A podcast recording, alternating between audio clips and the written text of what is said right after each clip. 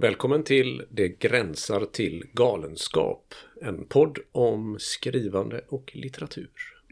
Författarpodden som inte ger upp i första taget. Det här är ändå avsnitt fyra.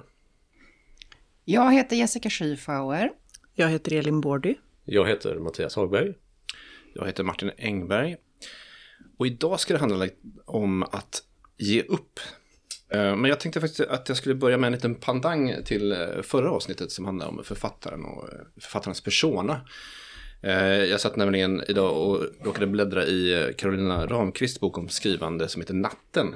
Eller Det, är natten heter den. Som handlar väldigt mycket om, om en, vad är författaren och vad är författarens persona och sådana saker. Och så hittade jag det här citatet som hon hittar i en föreläsning som Margaret Atwood gör.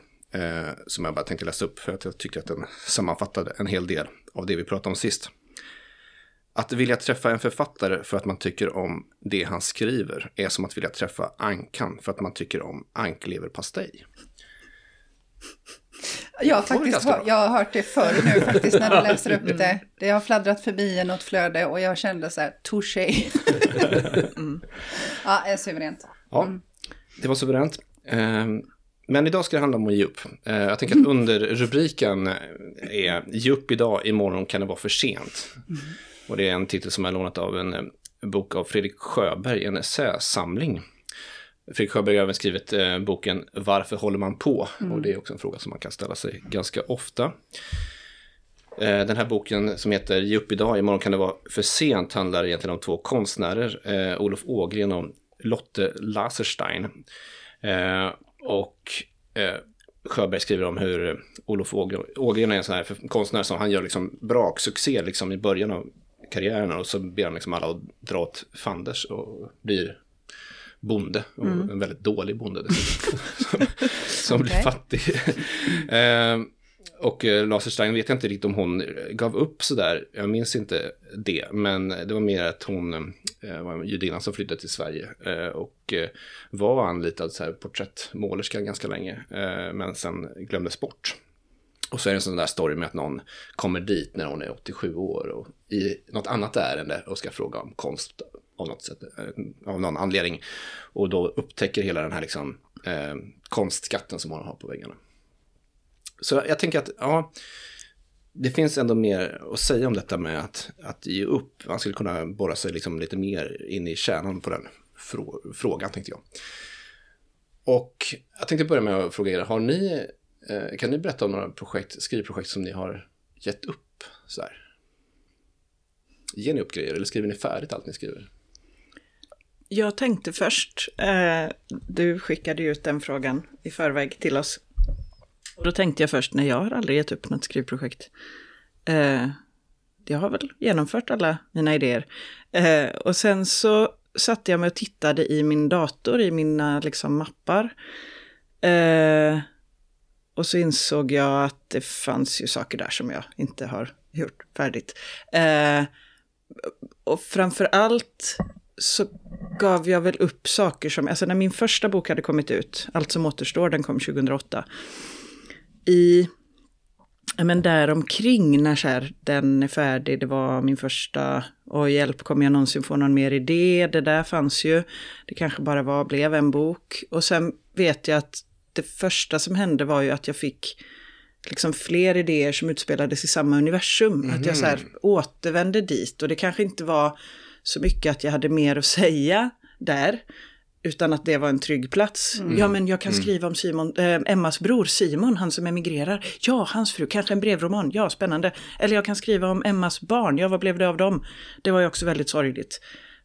Så, och där finns det liksom två olika. Men det är ju inte, det finns ju inte så jättemycket text. Det kanske är 40 sidor liksom.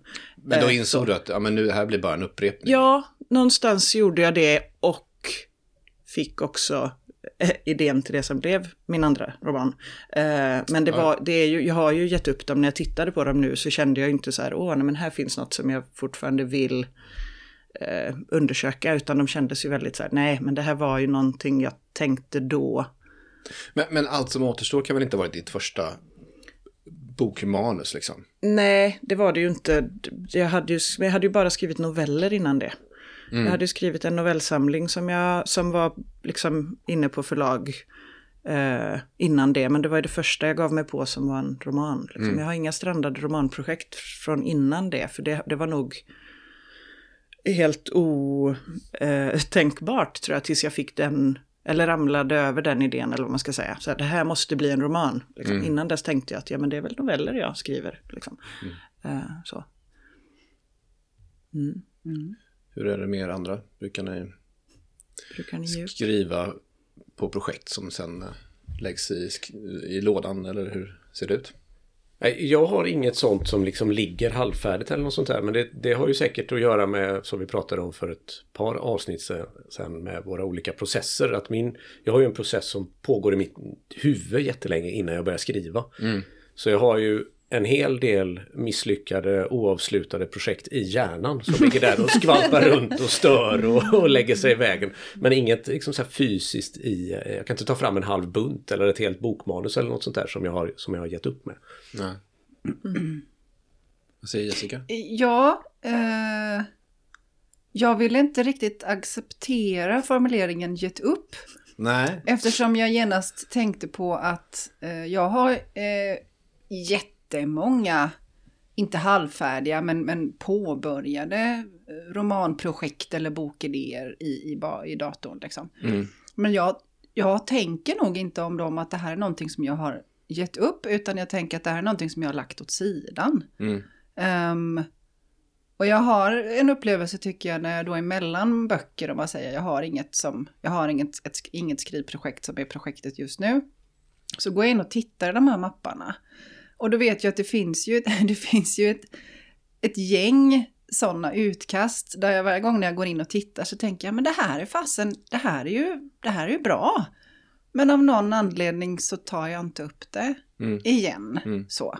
Jag har bland annat ett, ett barnboksmanus som eh, jag varenda gång jag är, är färdig med ett arbete och har gett ut en bok så, så tänker jag nej men nu, nu ska jag ta och skriva den där barnboken. Och så går jag in och så tittar jag på det och så läser det och så tycker jag helt ärligt att, att det är riktigt bra. Men jag gör inte det sen.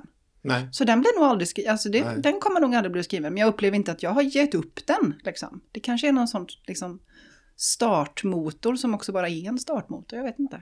Mm. Men jag- tror att det ligger något jätteviktigt i det du säger. Eh, och som har kanske med att frågan eller, eller problemformuleringen här eller någonting liksom kastar den iväg mot en massa associationer och, och, och tankar och sånt om vad det är vi gör och sådär. Medan det kanske är så att det är ingenting som någonsin är ett misslyckande eller som man har gett upp eller något sånt där. Utan att det bara handlar om hur man, hur man ser på det. Och när det kommer till nytta och sådär. Det var ju väldigt positivt. Vad säger du då Martin? Nej, men, men liksom alla, alla de här misslyckade eh, idéerna som ligger i mitt huvud, de, de, de kanske inte är misslyckade idéer, de kanske inte är oavslutade, de kanske bara Ja. inte är färdiga Inte riktigt än för nu. att... Eh, liksom. Ja men så kan det vara. Och jag kan tänka att ibland så kanske man så här, ja men inser att ja ja, nu har jag plockat upp någonting i det här projektet som jag höll på med i det där andra projektet. Och det gör, ja men då kanske jag kan lämna det gamla projektet där. Just det. För det var egentligen det här jag var ute efter. Så kan jag ibland tänka att saker och ting kan användas. Eller jag försöker tänka så för att annars så samlar jag på mig så mycket texter som är påbörjade och som ligger där. Och som på ett sätt tycker jag har att göra med det vi pratade om förut med fiktiva minnen. Att man har liksom så här något Ja, men då är alla de där sakerna som skildras i den här texten är, är låsta och ingen annan kommer åt det. Liksom. Det finns bara i den här texten. Ja, men vi Och är då kan man känna ett ansvar att vilja, vilja få färdigt den texten för att det, få ut den. Liksom.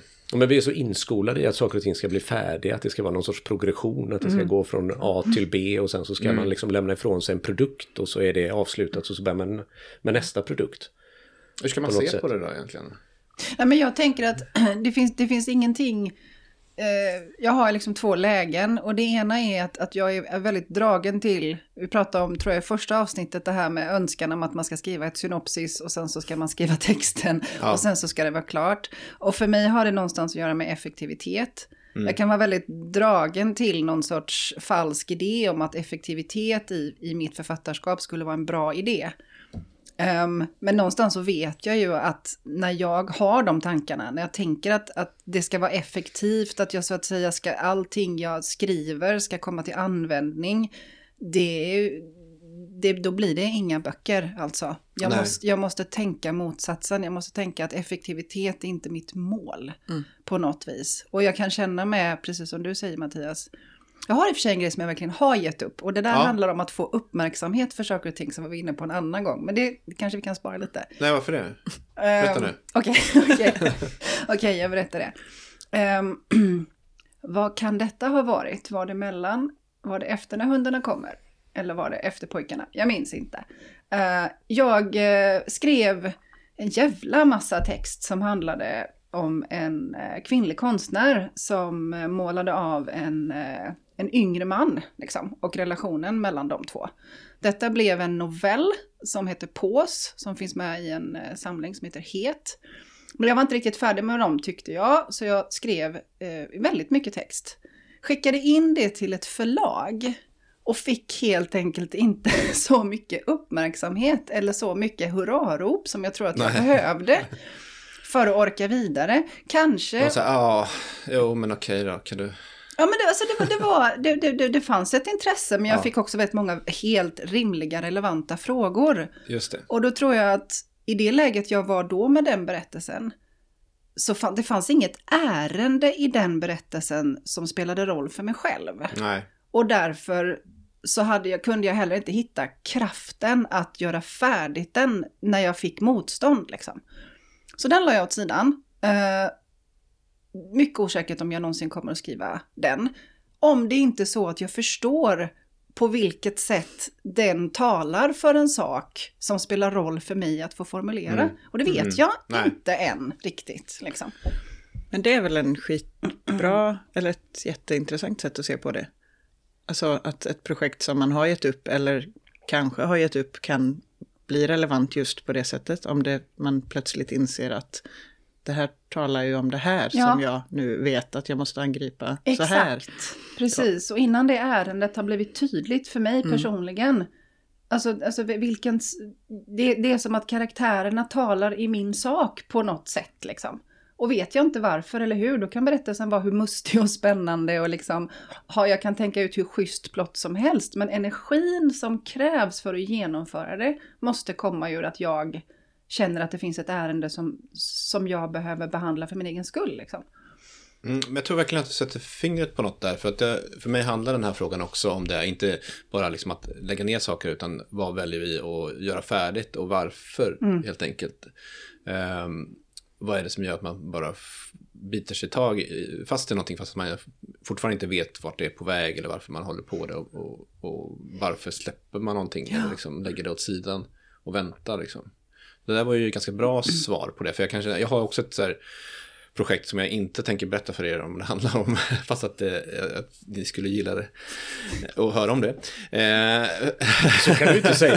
jo, det kan jag. jag Nej. men, och anledningen till att jag inte kan berätta det är för att jag ändå så här någonstans går och tänker att jag kanske kommer fortsätta med det och då, då får, jag, inte- får jag inte prata om det. Ja, men det handlar om den där skrockfullheten Ja, ja, som ja. Mattias Ja, det är helt Det här- det- Jag tar det tillbaka min så. eh, Ja, protest här. ja. Detta måste vi respektera, tycker jag, till 100%. Men, men, det, men det, anledningen till att, att och det här är något som jag skrivit på sedan innan debuten. Eh, men anledningen till att jag ibland plockar upp den och, och sen lägger ifrån mig igen är just lite grann det du säger eh, Jessica. Att jag hittar, ja, men det är liksom, varför?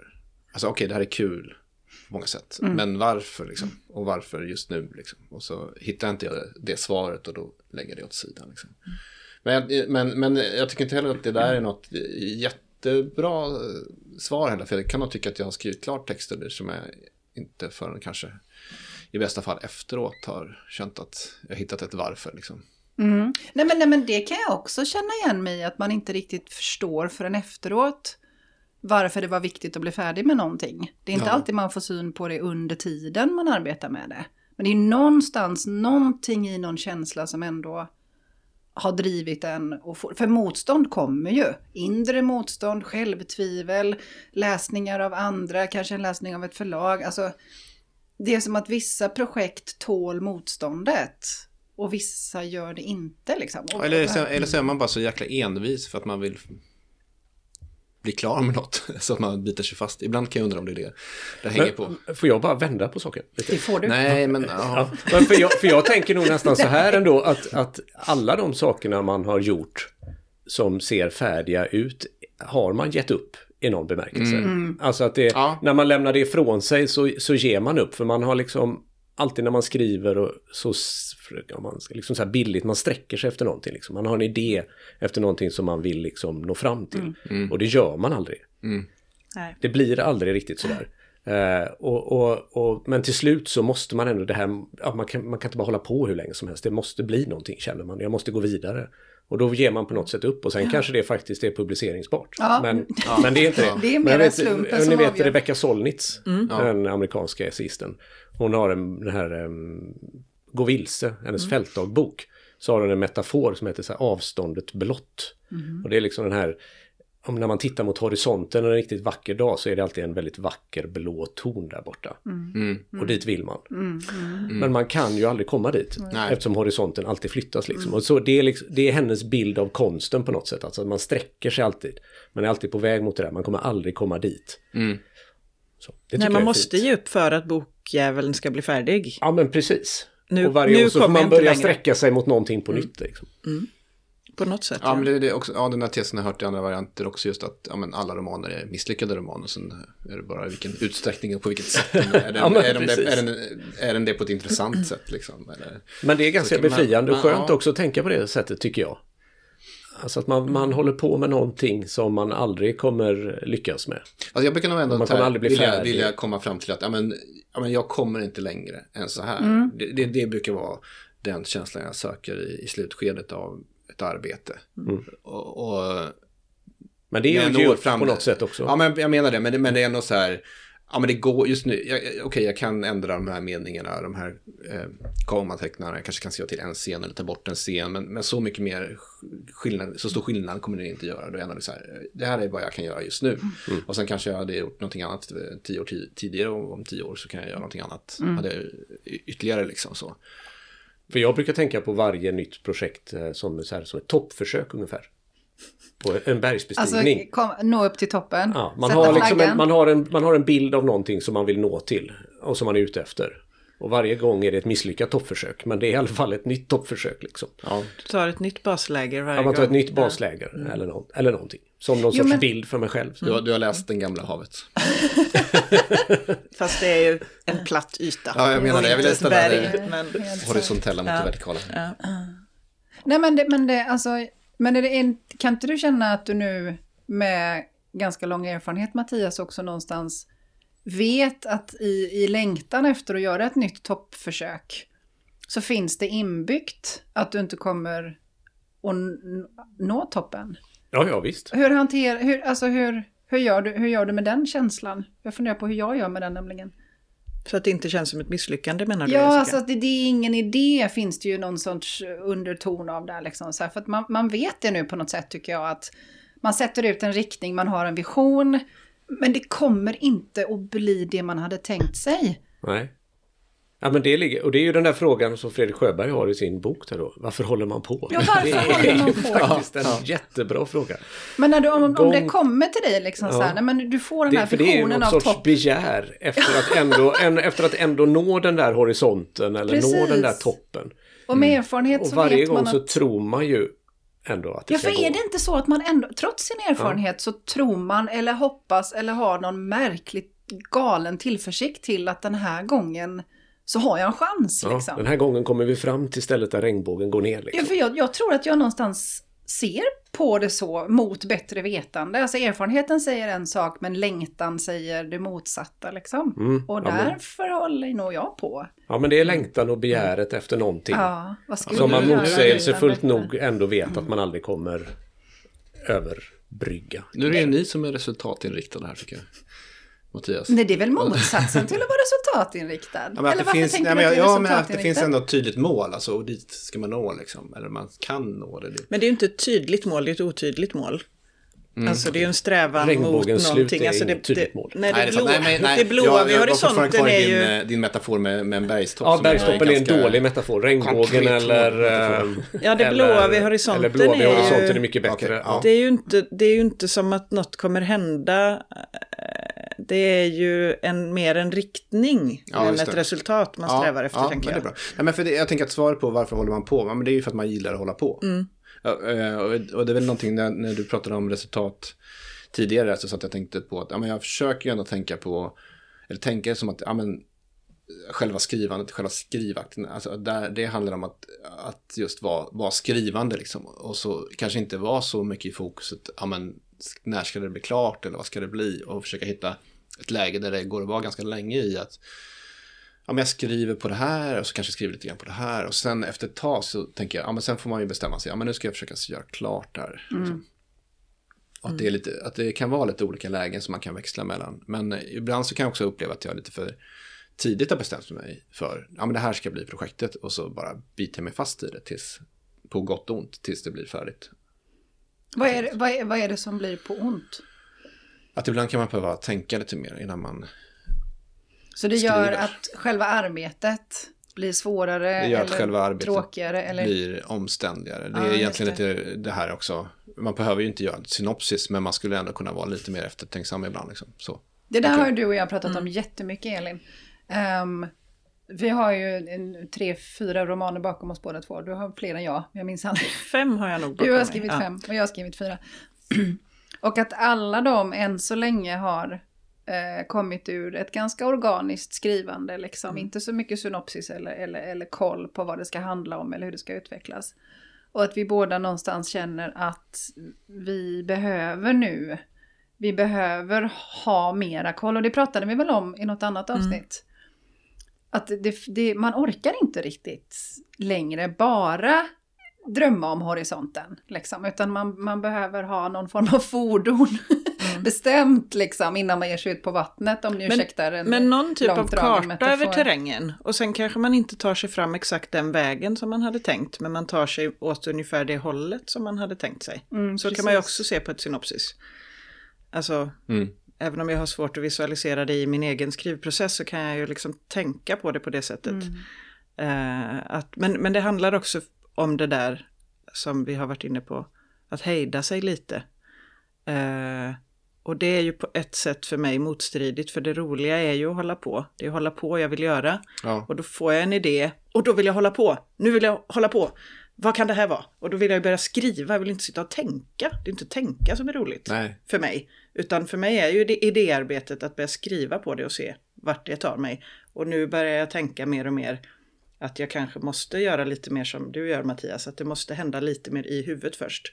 Jag får stå ut med att jag måste tänka lite innan jag kan börja skriva. För min egen del, för att lite mer att ta ut riktningen. Men var är ens horisonten liksom? Ska jag sikta ditåt eller ditåt? Men då, då hoppas du att ja, men när du väl sätter dig och skriver så kan du liksom hålla på då när du väl Ja, är där. Då. det ska vara lite tydligare vart det är på väg. Ehm, ja, det finns ju ett fantastiskt drag i detta. Alltså att det, det, någonstans måste det vara ett personlighetsdrag. Som vi alla fyra har och som många andra som skriver har också. Det är liksom någon så här... Ja men packa någon form av ganska så skraltig matsäck, ta på sig ett par halvbra skor och bara liksom vandra rakt ut i naturen för att man är så himla äventyrslysten på något vis. Fast vi gör det inte, vi gör det liksom i, inne i Fast huvudet. ändå är man lite feg så man sitter hemma. Ja, men, precis, jag Men det är väl så här, att så många berättelser handlar om det också. att man, Att i packar väskan och Ja, ger det är sig ut Ja, i, i, liksom det. på vandringen på väg mot någonting som man inte vet vad det är. Gud vad spännande. Jag bara Ja. att det kom upp så här To Infinity and Beyond. Nu vet jag inte vilken Typ sci-fi. Star serie. Trek eller kanske är Star kanske. Trek Ja. va? Ja. Det är något sånt där drag hos oss allihopa som är liksom så här. Nu ska jag ut mot, jag vet inte vad, men ut ska jag. Och va- varför håller man på? Alltså driften måste ju vara någonting som, som inte alla, för vissa människor med all rätt tittar ju på en som att man är fullständigt knäpp galen. när man berättar om detta. Jag minns när jag eh, ganska tidigt i min författarkarriär när jag pratade om min första bok, Om du var jag, på en högstadieskola. Och fick frågan hur lång tid det tog att skriva den. Och jag sa som det var, att eh, summa summarum så var det en process på tio år. Och då var det en tjej som räckte upp handen helt spontant och bara är du inte klok? Varför lägger du tio år på att skriva en bok? Och där var jag så att säga svarslös eftersom i känslan så visste jag ju 100% varför jag hade gjort det och att det hade varit värt det. Men jag kunde inte formulera det för någon som inte alls verkade liksom tycka att den dimensionen eller den längtan var rimlig liksom. Så där stod jag och, och gapade som en fisk och bara na, na, na. Mm. Är, är det någon av er som har liksom lyckats formulera något vettigt svar på den frågan? För den, den får man ju ganska ofta. Och man, jag står ju precis som du också bara och ser ut som en eh, gapande fisk eller vad det är. Ja. Ser ut som. Jag men tycker det- också, Och så jag- hittar man på saker bara för att Men svara. är, liksom. men är det inte för att det är så som, alltså varför håller man på? Ja, för att det är roligt att hålla på. Det är det man vill. Man vill hålla på. Och det låter sig ju inte alltid formuleras snyggt. Liksom. Mm. Då får man börja dra till med jag vill undersöka den mänskliga existensens jada jada. Innersta Ja, essens. Och det Ja. ligger inte riktigt för mig så. Det kommer inte naturligt. Nej, men det Eh, finns det ju många sätt att göra på i så fall. Ja. Nej, jag vet inte. Jag kan inte, jag kan inte heller... Eh, alltså varför skriver man? Varför? Det är ju för att det är ens mitt liksom... Ja, men jag, jag, jag brukar nog svara, alltså varför skriver man om man på den frågan? Ja, Men det, det, är, ju- det är ju det enda sättet som jag kan förstå mig på världen, liksom, eller liksom tänka i någon mening. Liksom. Och, och, det- och det är ju, sker i det skönlitterära skrivandet. Liksom. Eh, Så då kan man ju förstå det behovet kanske ändå från någon sorts existentiell synvinkel, att liksom sätta ord på saker helt enkelt. Det är behovet. Eh, Sen när det gäller så här jag sitter och tänker på ett begrepp eh, när det gäller specifika projekt tänker jag då, eh, som vår gemensamma vän Clara Bengtsson introducerade mig för, som är sunken cost failure. Känner ni till det begreppet? Nej, får jag höra? Det är ett helt briljant begrepp. Det förekommer egentligen inte inom den kreativa näringen så mycket, men däremot inom när man utvecklar teknik och eh, sådana saker så eh, handlar det alltså om projekten. Man, har- man har helt enkelt pumpat in så mycket resurser och pengar i det att man ger inte upp utan man bara fortsätter. Hela, hela liksom, teknikutvecklingen eh, bygger på detta i Sverige enligt, enligt min granne som eh, ingenjör. Eh, jag sa så här, ja men JAS till exempel. Ja visst, här, det är klart. Att det, det går ju, man, när man har lagt ner tillräckligt mycket resurser på någonting så kan man inte sluta att man måste göra färdigt. För annars så förlorar man ju liksom, man sänker de här kostnaderna. Eller liksom, Ja, men man har alltså ner. precis så kände jag när jag skrev min första roman. Ja. Precis så kände jag. Det här har kostat mig så mycket så om jag ger upp. Ja, då, har, ja, då är det liksom helt meningslöst, då har du sänkt allting. Liksom, ja. Ja, så under samma period i livet som, som liksom alla mina jämnåriga blev färdiga med utbildningar, fick en examen, skaffade jobb, köpte bostadsrätt och började fundera på att skaffa barn. Mm. Så, så satt jag där med ett romanprojekt som länge ingen ville ge ut. Liksom. Det Mm. var ju en känsla för mig att får inte jag ut den här boken så, så blir det liksom på liv och, och, och död för att the sunken cost failure, alltså Ja. jag kan inte ta den liksom. Nej. Sen nu med, med liksom i retrospekt så tänker jag att nej, men det var ju bara en föreställning som jag hade. Men den föreställningen var stark när den fanns. Mycket, mycket, mycket stark. Jag kunde inte gå emot den känslan. Frågan är liksom. var den inträffar. Alltså hur mycket text, hur många timmar, hur mycket engagemang. Den kritiska massan. Ja, precis. Ja, men det kanske vi kan räkna ut med en formel, vad tror ni? Ja, Kanske. Du kanske kan det, jag kan det inte. Nej, formel är ett ord som får mig att stirra tomt rakt fram och låtsas att jag tänker, så att inte jag. Nej, men jag tänker att det är det som ligger i eh, Sjöbergs mycket briljanta titel där. Ge upp idag, imorgon kan det vara för sent. Ja. Alltså det, det man kommer till Ja. den här punkten, liksom, nej men nej, nej, jag kan inte. Men där, där är ju jag med mitt eh, pågående skrivprojekt. Ja, Som nu är, Ja. som såklart bara finns i hjärnan än så länge och som är eh, många tusen sidor research. Liksom. Att där Ja. har jag investerat så mycket nu så det, jag får inte ge upp. nej, ja, jag känner samma sak inför det projektet. Ja. Men- men jag- fram- hans projekt. Ja, Men jag tycker inte att vi får få detta att låta som bara något dåligt ju. Alltså det, för man måste ju också ha lite av det här liksom som Ja. kallas grit i, också eh, idag i media. Alltså att man måste ju ge sig fan på det. Vad är grit? Ja men liksom jävlar anamma, Ja. lite motstånd, lite, man, man kämpar på, man liksom drar sig igenom det. Eh, annars skulle, alltså det kan ju inte vara för alltså jag, lätt jag tror ingen når fram till en bokdebut utan att ha det. Nej, Eller det är nog väldigt Nej. sällsynt i alla fall. Det lär ju ha hänt en eller två gånger. Men... Men om jag får vända på det då.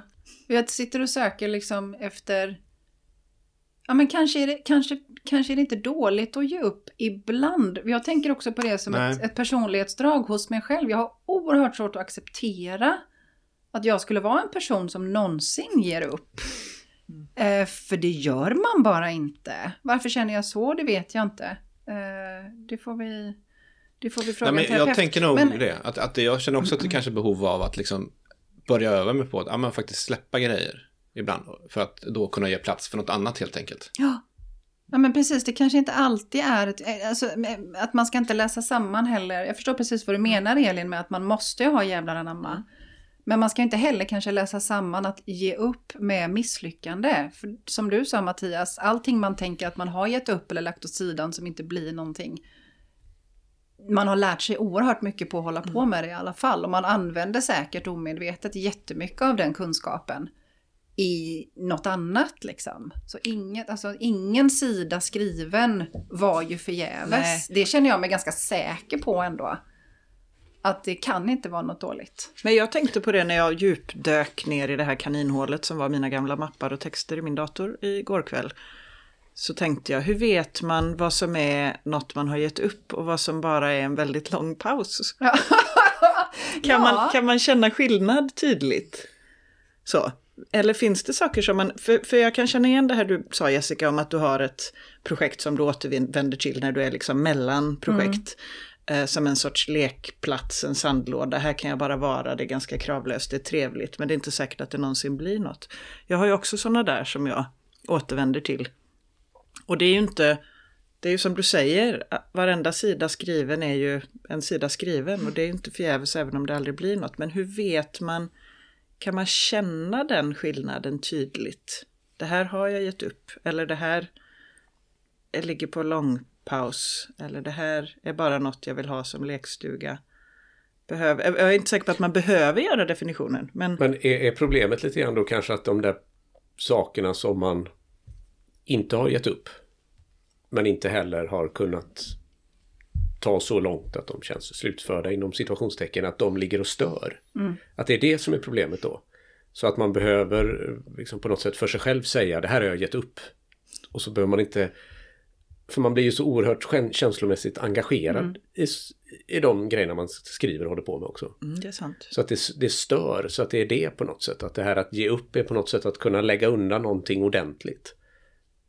Är det mer Att det inte det handlar om behöva kanske? återvända till det, ja Ja, precis. Ja, kanske För att det. slippa att det brusar i bakgrunden. Ja, det är, för jag, jag tänker rent känslomässigt så blir det precis tvärtom för mig.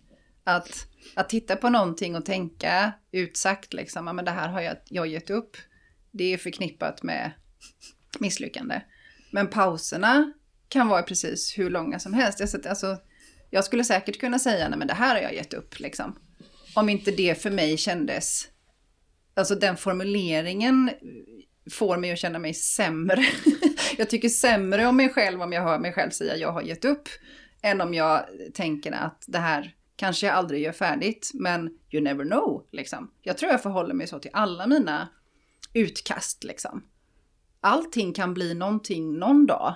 Och sen kommer man antagligen hinna att dö innan man har skrivit färdigt alla de idéer man, man har fått liksom. Och då kommer Apropå- Jessicas opublicerade verk Apropå ut. det, ja precis. Nej, precis. Kan jag, inte få, kan jag inte få ställa den frågan? Hur Jo, tänker ni på det. det? Men det opublicerade. Det som kommer att ligga kvar i er dator när ni är döda. Ja, Det ligger ju som tur var bara i min hjärna. Ja, det är så jävla lugnt, orättvist. liksom. Men, Ja. men ni, an, alltså ni andra som har... Ja, nu, nu sker det massa Ja. hemligt signalerande. Ja, inne. Men- men komma Martin, överens har om du vad- någon Vad tanke? får vi säga, vad får vi inte Ja. säga? Har du, har du någon tanke Martin Nej, om men, det? alltså, Hur jag, ja, jag, jag hade funderat lite på det och sen bara, nej men jag, jag kan inte tänka på det liksom. Jag har liksom inget riktigt Nej, arkiv. nej. Jag, jag höll på, när jag skrev eh, min andra bok, eh, romanen eh, Stjärnpalatset, så hade jag typ väldigt länge flera lådor avsparade, liksom utskrifter och- av alla miljoner gånger som jag skrev igenom den. Men sen slängde jag det för att säga, nej, alltså, vem, vem, vem ska behöva plågas med att titta på det här om det skulle vara någonsin vara avlägset Det aktuellt. finns liksom. ett ord för det, det kallas att döstäda. Ja, men Fast lite gör så. det Ja. Sen har, stil. men sen har jag liksom, sen, nej, så här, sen, har, sen har jag, ja men dels så har jag fast massa saker på datorn förstås, men sen har jag några saker på papper i något sorts litet arkiv som jag inte så här, kan bestämma mig för om jag ska slänga eller inte. Och så här, så, jag vet inte, vad, hur, hur nej, gör för, ni? nej, för ni? papper har inte jag. Det är inte jag liksom Nej, lika intresserad av. Men jag har ju åt- alla de där versionerna har jag ju i min dator. Mm. Jo. Typ. Alltså Jo. det, är ju inte, det finns ju inte en slutversion. Ja, fast jag skriver mycket för hand ju- också, så Ja, jag, okej, det ja. var liksom... eh, Jo, anteckningsböcker finns ju kvar. Men jag, jag tänker på det. Jag har den där novellsamlingen liksom som inte blev utgiven. Ja, den sparar ska den... Jo, jo, sparar. Jag menar, allt sparas ju. Ja, Jag, jag kan inte säga att jag vill att Du det ska raderas, men hur ska man tänka? Hur känns tanken att det skulle, liksom, här är Sara Lidmans när opublicerade du kommer till Göteborgs stadsbibliotek och noveller, ska don- liksom. donera dina... Nej, nej men inte, inte så grandiost liksom. Men skulle jag nu, är jag nu bekväm med tanken på att det skulle komma ut när jag inte finns här och kan försvara mig? Eller Jaha, vill jag så. så. att säga skriva ett testamente som säger publicera aldrig mina grejer? Ja, jag, jag, Jag känner ingen som helst känner- oro. Du känner ingen oro? Nej. Nej. Jag ska vara helt inte heller. Jag är bara tacksam om jag får Det publicera det jag, jag det är vill få och jag. publicerat. Det är delusions of grandeur här kanske. Ja, Jag men det är känner inte- Det här får vi prata om Ja. mer nästa gång. Nej men Ja, detta kanske nej, men vi det här faktiskt ska lägga i en burk och Jag stoppa till ett med. annat det här är annat ett annat Ja. ämne. Det Nej, ju ja, jag tyckte nog det hör ihop lite grann då. Men motpolen till att ge upp. Att föreställa sig sina texters liv efter ens egen Mina död. verk kommer att leva i eh, århundraden. Liksom. Mm. Men det här ge upp, jag tänker, eh, jag ställer också frågan, det här är ju, nu har vi bara pratat om specifika eh, projekt, om man tänker liksom skrivandet i sig då, finns det någonting som skulle kunna få er att sluta skriva? Den Om jag frågan blev gick blind. jag. Om du blev blind? Om du blev ja. blind? Är du säker på att du inte skulle Jag bara kan lära dig? inte, nej men jag kan inte prata, jag kan inte prata, nej jag kan inte diktera. Det är inte samma för mig. Det är inte samma kanal. Mhm. Jag det, det är inte, nej men alltså pratet är, jag skulle aldrig kunna prata, diktera mina texter. Mm. Nej. Aldrig, det är två Nej, helt jag, olika. jag har nog tänkt lite i samma banor. kanaler där från hjärnan. Men jag, jag skulle ha tänkt att jag skulle ändå försöka. Ja, kanske att jag skulle Mm. försöka men det skulle bli så jävla dåligt. Mm. Eh, är vad jag känner nu. För mig är det helt, två helt olika saker. Mm. Gud vad spännande. Vad säger, vad säger ni Ja, andra? verkligen. Jag har ingen aning. Ni Är Elin en robot som har olika kanaler? Den liksom slås på och av och...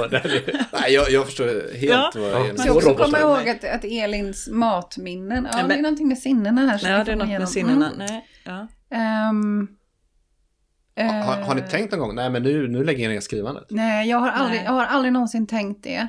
Men när jag fick barn Ja. så, var jag, så blev jag skarpt och smärtsamt medveten om att skrivandet är ett behov för mig som handlar om mig. Och när jag då för första gången fick in någonting i mitt liv som var viktigare än jag, så blev jag liksom väldigt skarpt medveten om att hans existens, om hans behov på något vis skulle kräva att jag bytte yrke liksom, eller bytte livsstil, liksom så här, då skulle det vara nöd, då skulle det vara nödvändigt. Ehm, nu, nu har det liksom på inget sätt blivit så. Nej. Men, det var, men liksom när, jag, när jag Men konfronterades du med skulle den ändå tanken. säga klockan två på natten när han har somnat förmodligen sitta och skriva en halvtimme innan du var tvungen att gå upp klockan fem för att Ja, ja, gå det- till bensinmacken så- och eh, Ja, tanka bilar. Som tur var så, så behövde jag liksom aldrig, jag behövde aldrig konfrontera en sån situation. Så jag vet ju liksom inte hur det skulle vara. Nej. Men Men i teorin i alla fall. Men- Tänker man ju så att om man fick välja mellan barnen och skrivandet så väljer man ju såklart barnen. Liksom.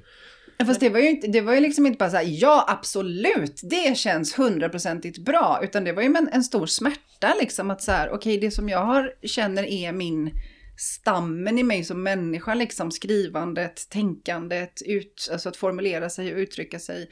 När man har ett litet barn, nu är han ju ganska stor så nu är det en helt annan sak. Men när han var liten så var ju hans behov och den verklighet som han behövde ha gick ju helt på tvärs mot det här introverta, intellektuella liksom. Nej men det är Ehm. kanske inte någon självklar fråga. Det finns ju verkligen exempel på författare som gett upp både familj och barn. Doris Lessing övergav väl eh, sina barn när hon flyttade till England, tror jag. Ja men det finns väl mängder med konstnärer som har bränt att, ut eh, både sig själva och sin omgivning Ja. för konstens skull. Om man säger så. Ja. Men eh, om, om, om det ni skrev inte blev publicerat, skulle det få er att krokna? Jag skulle krokna men jag skulle nog inte sluta skriva. Nej. Alltså, jag skulle säkert bli ledsen och arg och bitter, men skrivandet är ju större än så, tänker jag mig, för mig. Eh, men, men det är klart att det den skulle bitter vara... Elin Bård tänkte jag plötsligt. Så här, Vad ska komma för romaner ur det? Vilken kanal är det? Ni är dumma. Jag känner mig mobbad. Nej, jag, jag är helt med på detta med kanaler. Alltså. Men jag känner också att hela din personlighet, Elin, är motsatsen till bitter. Ja, det var det som gjorde mig lite nyfiken på vad det skulle jag känner. Du har liksom inte anlag för bitterhet vad jag har sett. Liksom. Nej, det var ju skönt Det att ska höra. du ta som en komplimang. Ja, verkligen. Ehm, mm, om det Jessica, man skrev du som eh, ibland pratar om behovet av att få uppmärksamhet och så här. Jag pratar ofta, jag pratar ofta om behovet av att få uppmärksamhet. Det var en fin eufemism, men den var inte sann. Ehm, nej men jag har haft, eh, ja nu ska vi se, nu blir det väldigt privat här. Men jag har haft en, en ganska så djup och länge pågående kris med min, alltså vad skrivandet är för mig i grund och botten. Och vad skrivandet har blivit under en lång period när jag bara försörjde mig på att vara författare. Mm. Ehm, jag har precis landat på en plats som är fantastisk, där jag på riktigt känner att om jag inte väljer det så har ingen att göra med mitt skrivande. Ehm, och det är klart att skriva färdigt någonting eller vilja visa upp någonting och sen inte få något som helst tillbaka för det, alltså bli konsekvent refuserad eller liksom så här. Mm. Det ingår ju inte i den, det ingår ju inte i den tanken än eftersom jag inte har Nej. varit i den situationen. Men där jag är nu så känner jag jag känner nästan tvärtom. Jag kan känna en väldig längtan efter att skriva utan syfte att få det publicerat. Okej. Det känns som att jag har fått tillbaka min, min barndoms... Alltså att, att skrivandet är ett samtal mellan mig och mig. Att du når själva kärnan kanske till. Ja, och det Varför? kommer jag slarva bort igen. Det vet jag. Alltså Ja. det går i perioder. Men just nu känner jag väldigt starkt att, att mitt skrivande handlar om mina behov och inte om. Va, att vad gjorde att du kom fram till den punkten? Eller varför har du behövt tänka på det här liksom? Och, och, och... Nej men för att jag eh, har ju alltså, när jag skrev pojkarna så det var liksom sista gången som jag skrev utan en säker mottagare. För sen så gick det ju väldigt bra för boken Pojkarna, den fick väldigt stor uppmärksamhet. Jag blev så att säga författare Mm. till yrket genom den. Jag visste att nästa bok jag ger ut kommer också få uppmärksamhet. Det var folk som tjatade på mig och hade otroligt, jag kände att jag hade väldigt höga förväntningar. Först och främst mig på mig själv. Liksom. Och någonstans här nu på vägen så har jag kommit fram till att så kan det inte vara längre. Det är väl liksom en överlevnadsinsikt liksom, helt enkelt. Gud, så allvarligt det blev. Men det gör ingenting. Det känns viktigt. Men det är och- tur att du inte har gett upp vägen då, att du har hittat fram till den här platsen. Jag känner Eller hur? tvärtom. Jag har aldrig känt mig så alltså, benägen att ge upp har jag väl kunnat känna. Jag orkar inte ha den här känslan av att det är så mycket som står på spel i och med mitt skrivande hela tiden. Min ekonomi, mitt varumärke liksom så här. Nu känner jag fan tvärtom. Jag kan göra precis vad jag vill. Tjoho! Så känner jag nu. Vad säger du Mattias? Om man skulle ge upp om man inte blir publicerad? Ja. Eh, Skulle nej, du få det att sluta skriva?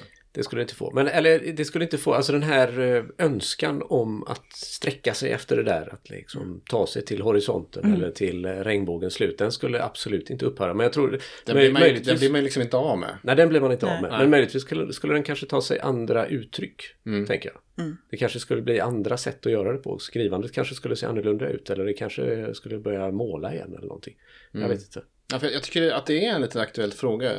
Ganska ofta tycker jag att man hör om författare, kanske någon generation över våran, som helt enkelt inte blir publicerade längre. Men de, må- många av dem vet jag fortsätter skriva. Liksom. Mm.